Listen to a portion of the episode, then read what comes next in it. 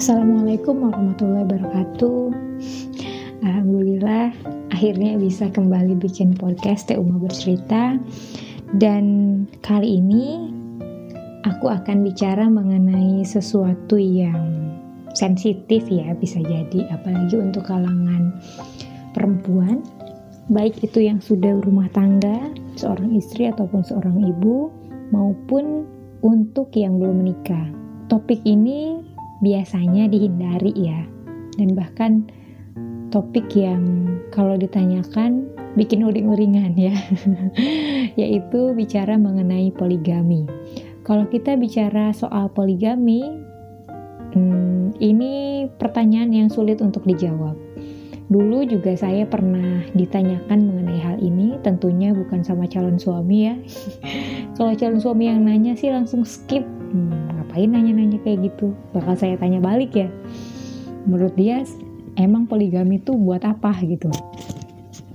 Nah yang bertanya sama saya pada waktu itu adalah orang yang saya hormati orang tua saya bertanya mengenai kesiapan saya untuk menikah dan terselip dalam pertanyaan itu adalah bicara mengenai poligami. Waktu itu ditanyakan, e, Uma kalau misalnya bicara soal poligami, setuju nggak soal poligami? Nah ini bikin saya jadi lama banget terdiam ya, karena sebagai seorang perempuan sudah fitrah bahwa kita itu tidak mau ada yang jadi pesaing gitu ya, tidak mau ada duanya, kita tidak mau jadi ada nomornya ya gitu. Karena kalau misalnya poligami kita jadi ada nomornya. Mau yang ke satu kek kedua kek ketiga kek gitu ya.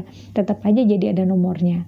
Bagi perempuan kita pengennya jadi yang satu-satunya begitu. Bahkan apalagi kalau misalnya kita lihat di masyarakat pada umumnya poligami itu dianggap begitu buruk bahkan menjadi momok yang menakutkan bagi rumah tangga.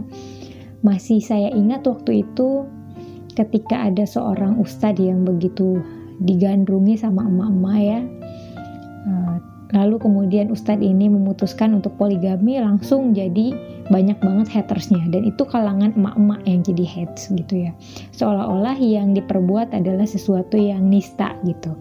Bahkan ada yang menyatakan bahwa ya bolehlah poligami asal. Nah asalnya ini yang menurut saya menarik untuk dibahas. Ada yang bilang nggak apa-apa lah poligami kalau yang di poligami itu yang dinikahi lagi itu adalah janda tua uh, dan perlu perlindungan. Ada yang mengatakan seperti itu. Ada lagi yang bilang bolehlah poligami kalau misalnya nggak bisa ngasih keturunan misalnya gitu. Nah buat saya kemudian berpikir apakah memang poligami itu dilakukan kalau dalam case yang seperti tadi gitu ya karena setelah melihat sejarah waktu itu memang uh, di tahun 2019 saya mendirikan satu komunitas namanya Her Story dan komunitas ini benar-benar bicara mengenai perempuan dan bahkan sejarah dalam sudut pandang perempuan. Karena mayoritas sekarang ketika ngomongin sejarah itu sudut pandangnya adalah laki-laki gitu. Ketika mengatakan bahwa oh seorang perempuan itu kalau menolak ajakan suami maka dia dilaknat sampai pagi oleh malaikat misalnya itu. Dan itu bumbunya atau e, bau-baunya adalah e, bau-bau maskulinitas gitu ya. Mengatakan bahwa perempuan itu tidak boleh menolak e, suami gitu ya. Dan seolah-olah kita tidak punya hak Padahal sebetulnya kalau kita bicara mengenai rumah tangga, suami dan istri sama-sama punya hak untuk menerima uh, apa ya pelayanan terbaik gitu ya. Kalau dikatakan suami dan istri itu adalah pakaian, artinya bagi keduanya harus sama-sama terlihat indah di mata pasangannya. Jadi kalau misalnya perempuan dituntut untuk cantik, menarik, fresh di depan suaminya, maka bagi saya ya mengartikan bahwa pakaian suami juga adalah pakaian, maka suami itu harus tampil ganteng, maco, fresh di depan istrinya juga. Karena yang namanya pernikahan harus saling mengagumi, harus saling jatuh cinta gitu. Tidak mungkin ada pernikahan yang langgeng kalau salah satunya merasa dituntut atau terpaksa gitu. Dan begitu juga ketika ada ajakan bahwa uh, kalau misalnya suami mau tidak boleh ditolak. Tentu, tentu saja ini bicara mengenai uh, bagaimana fungsi laki-laki dan perempuan secara fitur tubuhnya ya. Perempuan itu karena aktivitasnya yang luar biasa di rumah ya dan dia juga secara hormon itu beda dengan laki-laki, suka mudi dan lain sebagainya, maka perempuan itu biasanya susah ya, susah untuk mau duluan. Tapi dia akan mudah dan bisa melayani kalaupun dia tidak mau. Asal apa? Asal uh, kebutuhan untuk disayangi itu ditersalurkan gitu ya. Jadi harus uh, disayang dulu gitu ya, harus lemah lembut dulu, maka biasanya istri bisa melayani suaminya. Sedangkan seorang suami itu biasanya dituntut untuk uh, melepaskan penat begitu saja gitu. Jadi mereka bisa secara cepat tergesa-gesa gitu ya. Makanya kemudian ada hadis yang mengatakan bahwa ajakan suami itu harus didahulukan karena memang secara fisik perbedaan laki-laki dan perempuan itu begitu menonjol. Artinya ketika laki-laki mau mengajak istrinya, istrinya ya memang kalau dilihat secara hadis kan tidak boleh menolak, tapi suaminya juga harus memenuhi kebutuhan istrinya yang itu adalah harus uh, apa disayangi, harus lemah lembut, bahkan udahnya udah selesainya tuh harus ada ngobrol gitu ya, ada pillow talk dan lain sebagainya. Jadi buat saya pembicaraan mengenai uh, istri yang tidak boleh menolak ajakan suami sebenarnya luas gitu ya. Cakupannya begitu luas karena di dalamnya ada sama-sama hak dari suami maupun istri gitu. Jadi dalam hubungan rumah tangga dua-duanya harus menikmati keindahan, dua-duanya harus menikmati uh, kesenangan gitu. Jadi jangan yang satu tertindas, yang satu senang gitu. Makanya uh, saya mendirikan komunitas Story itu dalam konteks melihat perempuan dalam sejarah dan juga sudut pandang perempuan gitu. Nah, dan bicara poligami ini jadi menarik karena banyak perempuan yang tadi ya yang uh, tidak setuju, tidak suka, bahkan membenci poligami, bahkan membenci yang namanya pelaku poligami. Seakan-akan dia itu apa ya, cuma nuntasin nafsunya doang, nah kayak gitu. Ini yang kemudian membawa saya pada riset mengenai bagaimana sih pernikahan Rasulullah, pernikahan Rasulullah dan juga para istrinya yang lain ya, yang berjumlah ada yang mengatakan dalam hadis itu ada yang 12, ada juga ahli sejarah yang mengatakan 9, eh, tergantung dari sumber yang diambil ya. Tapi pada waktu itu saya memang mengambil sumber di mana istri Rasulullah itu ada 13 ya, termasuk Khadijah. Nah, dan setiap case dari pernikahan Rasulullah ternyata menarik ya dan ini membuat saya punya pandangan yang lebih luas juga tentang poligami. Kalau bicara bahwa poligami itu hanya boleh dilakukan kepada janda yang lebih tua, punya anak, harus diurus, dan tidak berdaya, maka kita lihat contohnya pada Rasulullah. Rasulullah itu menikah dengan Zainab binti Jahsi. Nah, Zainab binti Jahsi ini masih merupakan keturunan bangsawan masih satu klan dengan Rasulullah dari Bani Hashim. Dan tentu saja Bani Hashim itu adalah bagian dari founding fathers di Mekah. Artinya bukan orang sembarangan. Orangnya terpandang. Gengsinya tinggi. Hmm, kalau dimisalkan sekarang mungkin uh, apa ya masih ada di jajaran pejabat tinggi lah seperti itu. Jadi kalau bicara soal apakah Rasulullah menikahi janda tua tidak Zainab tidak tua. Zainab itu memang seorang janda, tapi janda dari Zaid bin Haritsah yang mereka menikah baru satu tahun belum punya anak dan Zainab ini terkenal dengan keanggunan dan kecantikannya bahkan Aisyah begitu suka cemburu juga sama Zainab. Nah jadi buat saya menikah poligami itu apakah harus dengan janda tua? Ya tidak ya kalau bicara soal sejarah. Atau bagaimana kita melihat Rasulullah itu menikahi Sofia, Sofia binti Huyai. Sofia binti Huyai ini adalah keturunan dari Yahudi. Dia terkenal begitu cantik. Aisyah juga memuji kecantikan Sofia. Dia masih muda juga, walaupun tidak semuda Aisyah. Tapi kalau lihat dari sini, rupanya Rasulullah tidak menikahi janda-janda tua loh yang dinikahi Rasulullah adalah orang-orang yang skup atau influence-nya ya, skup influence-nya atau pengaruhnya begitu hebat dalam masyarakat. Sofia binti Huyai adalah putri dari seorang pemimpin Yahudi yang namanya Huyai. Kemudian Zainab binti Jahsi merupakan anak dari pejabat tinggi. Jadi orang-orang yang dinikahi adalah orang-orang yang besar pengaruhnya dalam masyarakat dan besar pengaruhnya dalam dakwah.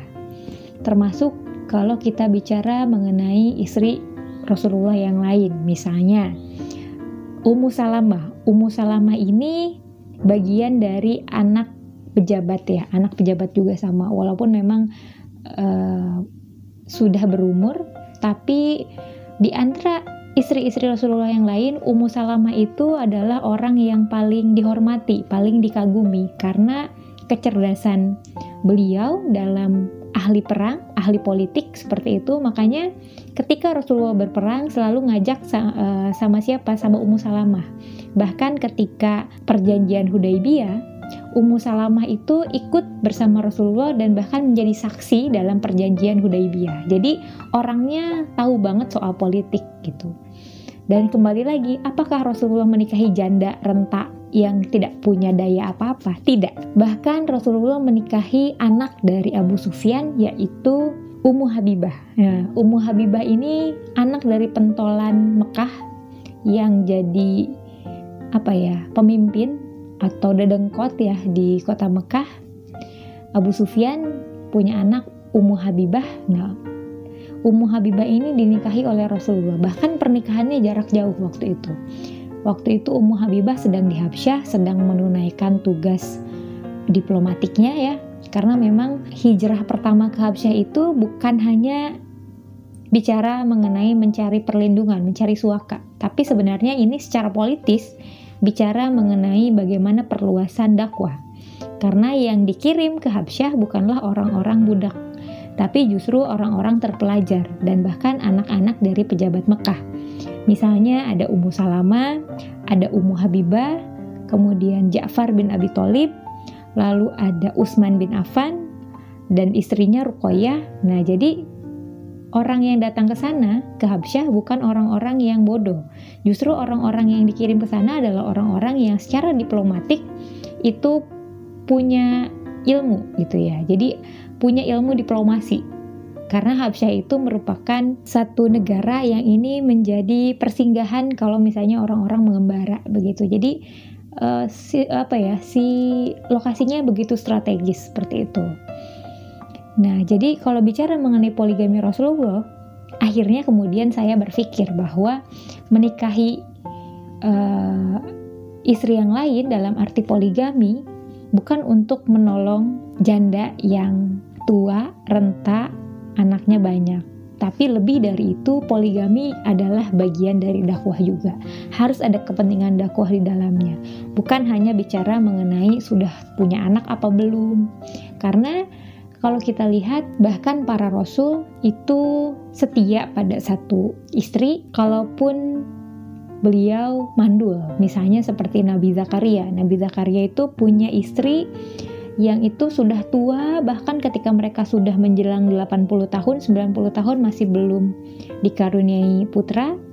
Dan Nabi Zakaria tetap pada pernikahannya yang mono monogami ya e, hanya satu istri saja. Kenapa? Karena memang tidak ada perintah poligami dari Allah pada saat itu. Jadi tidak ada perintah untuk dakwah lewat pernikahan. Makanya tidak ada poligami. Jadi buat saya menikah untuk poligami itu atau pernikahan poligami itu boleh nggak sih? Tentu saja boleh karena memang dicontohkan oleh Rasulullah. Tapi yang menjadi pernyataannya adalah untuk apa? Untuk apa poligami itu dilakukan? Kalau memang hanya sebatas pengen punya anak, kenapa tidak bersabar sebagaimana dulu bersabarnya Nabi Zakaria, Nabi Ibrahim yang mengajarkan kepada kita bahwa keturunan itu adalah karunia dari Allah. Jadi bersabar aja gitu ya. Kalau memang dikaruniai, alhamdulillah. Kalaupun tidak, ya mungkin uh, kita belum mendapatkan kepercayaan dari Allah atau memang Allah akan menangguhkan itu nanti di surganya seperti itu. Atau kalau misalnya kita bicara uh, pernikahan yang itu untuk apa katanya untuk daripada zina gitu ya. Buat saya sih yang namanya perempuan semuanya sama, sama-sama punya fitur yang sama gitu ya. Makanya kenapa Rasulullah selalu mengatakan kalau misalnya ada seorang suami pergi keluar rumah lalu kemudian ketika di luar rumah itu dia melihat ada yang menarik hatinya dan bahkan membangkitkan syahwatnya, maka Rasulullah menyuruh gitu ya atau menganjurkan kepada suaminya ini untuk pulang ke rumah dan menunaikannya kepada istrinya. Kenapa? Karena setiap perempuan itu fiturnya sama Intinya begitu. Jadi harusnya lebih ke bagaimana menahan nafsu, menahan pandangan, menjaga menjaga apa ya? martabat diri, harga diri seperti itu. Jadi poligami itu tentu saja boleh karena merupakan syariat dari agama, tapi harus dilihat untuk apa sih poligami ini? Apalagi kalau misalnya hanya untuk terbebas dari zina, emangnya gampang poligami ya Bahkan dikabarkan Rasulullah itu punya giliran kepada setiap istrinya tiap malam. Jadi kalau kita misalkan misalnya ya Rasulullah itu punya sembilan istri, maka sembilan malam berturut-turut Rasulullah akan bergilir kepada sembilan istrinya itu. Dan tentunya ketika ngomongin soal hubungan suami istri, maka akan bicara mengenai kepuasan e, baik dari laki-laki maupun perempuan. Artinya Rasulullah harus uh, apa ya menyenangkan istri-istrinya setiap malam. Sembilan orang setiap hari. Hei sanggup nggak nih cowok-cowok ya? Jadi jangan dulu ngomongin poligami ketika anda bahkan laki-laki tidak bisa menyenangkan istri anda yang cuma satu ya. Karena sulit banget nih poligami tuh.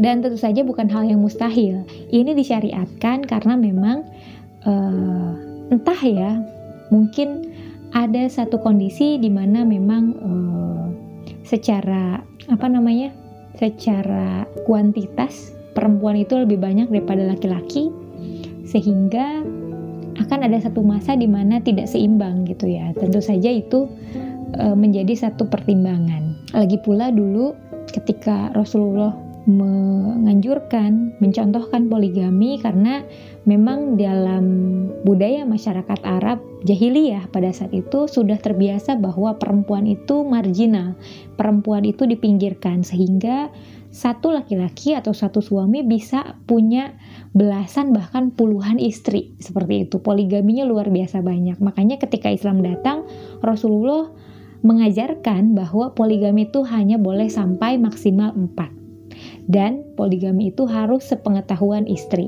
gitu. Jadi nggak ada tuh istilahnya drama yang ketika bicara soal poligami tahu-tahu suaminya punya istri lagi tapi istrinya nggak tahu. Nah itu kan nggak boleh ya kayak gitu. Ya harus saling menghargai lah gitu.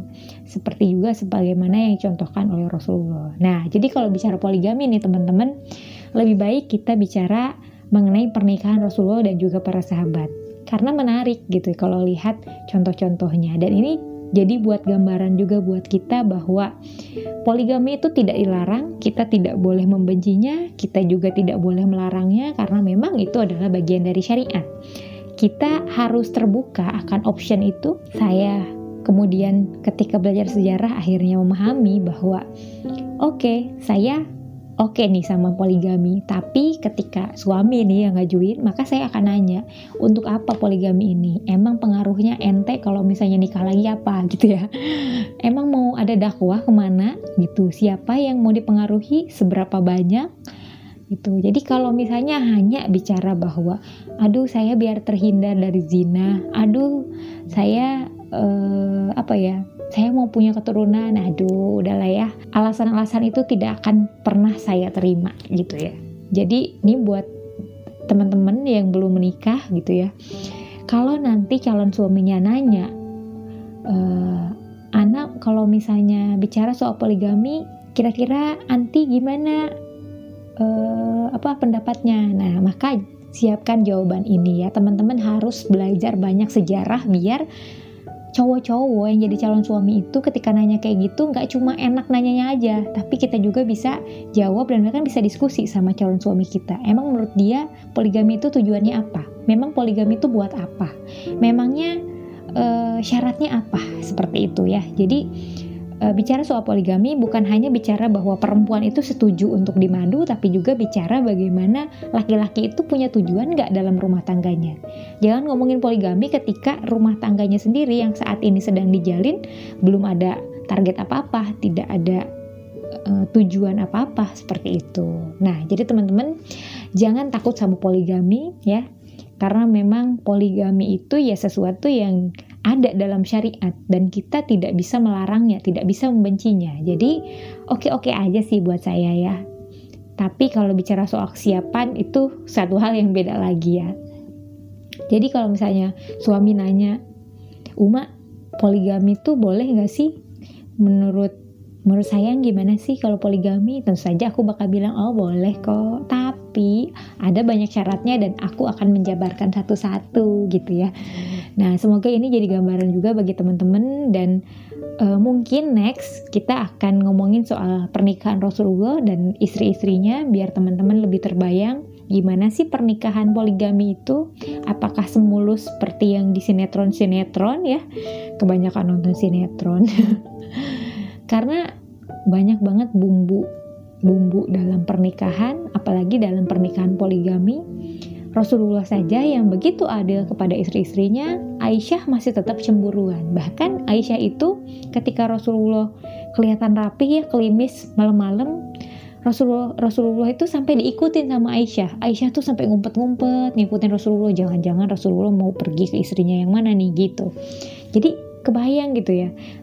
Rasulullah aja yang sudah begitu adil kepada istrinya, istrinya masih bisa cemburuan dan bahkan bisa ada durder gitu ya bisa ada perselisihan gitu. Jadi uh, apakah poligami itu secara manusiawi akan menimbulkan perselisihan? Tentu saja gitu karena pernikahan Rasulullah aja nggak mulus-mulus begitu saja. Dan ini jadi gambaran juga ya bahwa poligami itu sesuatu yang jadi solusi pada saatnya nanti dan kita harus open option gitu ya. Ada satu kondisi di mana memang mungkin poligami itu ke depannya akan menjadi satu syariat yang dibolehkan bahkan diharuskan ketika ada kondisi-kondisi misalnya uh, perempuan yang jauh lebih banyak sedangkan laki-laki lebih sedikit gitu. Uh, dan itu ada apa ya? Ada ada aturannya seperti itu. Jadi nggak bisa atas keinginan sendiri gitu, atas kemauan sendiri gitu. Nah, jadi kalau bicara poligami gimana nih? apa teman-teman masih nggak suka? Apa teman-teman nggak setuju? Atau teman-teman malah mau dipoligami? Nah, bisa banget teman-teman kalau mau jawab pandangan tentang poligami bisa DM aku di IG @nurmasawia ataupun @tumobacerita dan next kita bakal bicara mengenai pernikahan uh, Rasulullah dan juga istri-istrinya. Kapan-kapan ya setelah saya menyelesaikan uh, episode dari bukan pernikahan impian. Dan semoga teman-teman memahami bahwa pernikahan yang terjadi di masa Rasulullah dan para sahabat adalah pernikahan yang realistis. Seperti tadi temanya ya bukan pernikahan impian, artinya bukan hanya sekedar hayalan, bukan hanya sekedar angan-angan, tapi sesuatu yang bisa banget kita praktekkan, bisa banget kita ikuti dan bukan sesuatu yang terlalu jauh untuk dicapai gitu ya. Seperti itu. Semoga jadi makin seneng ya bicara mengenai sejarah. Terima kasih dari aku. Wassalamualaikum warahmatullahi wabarakatuh. Dadah.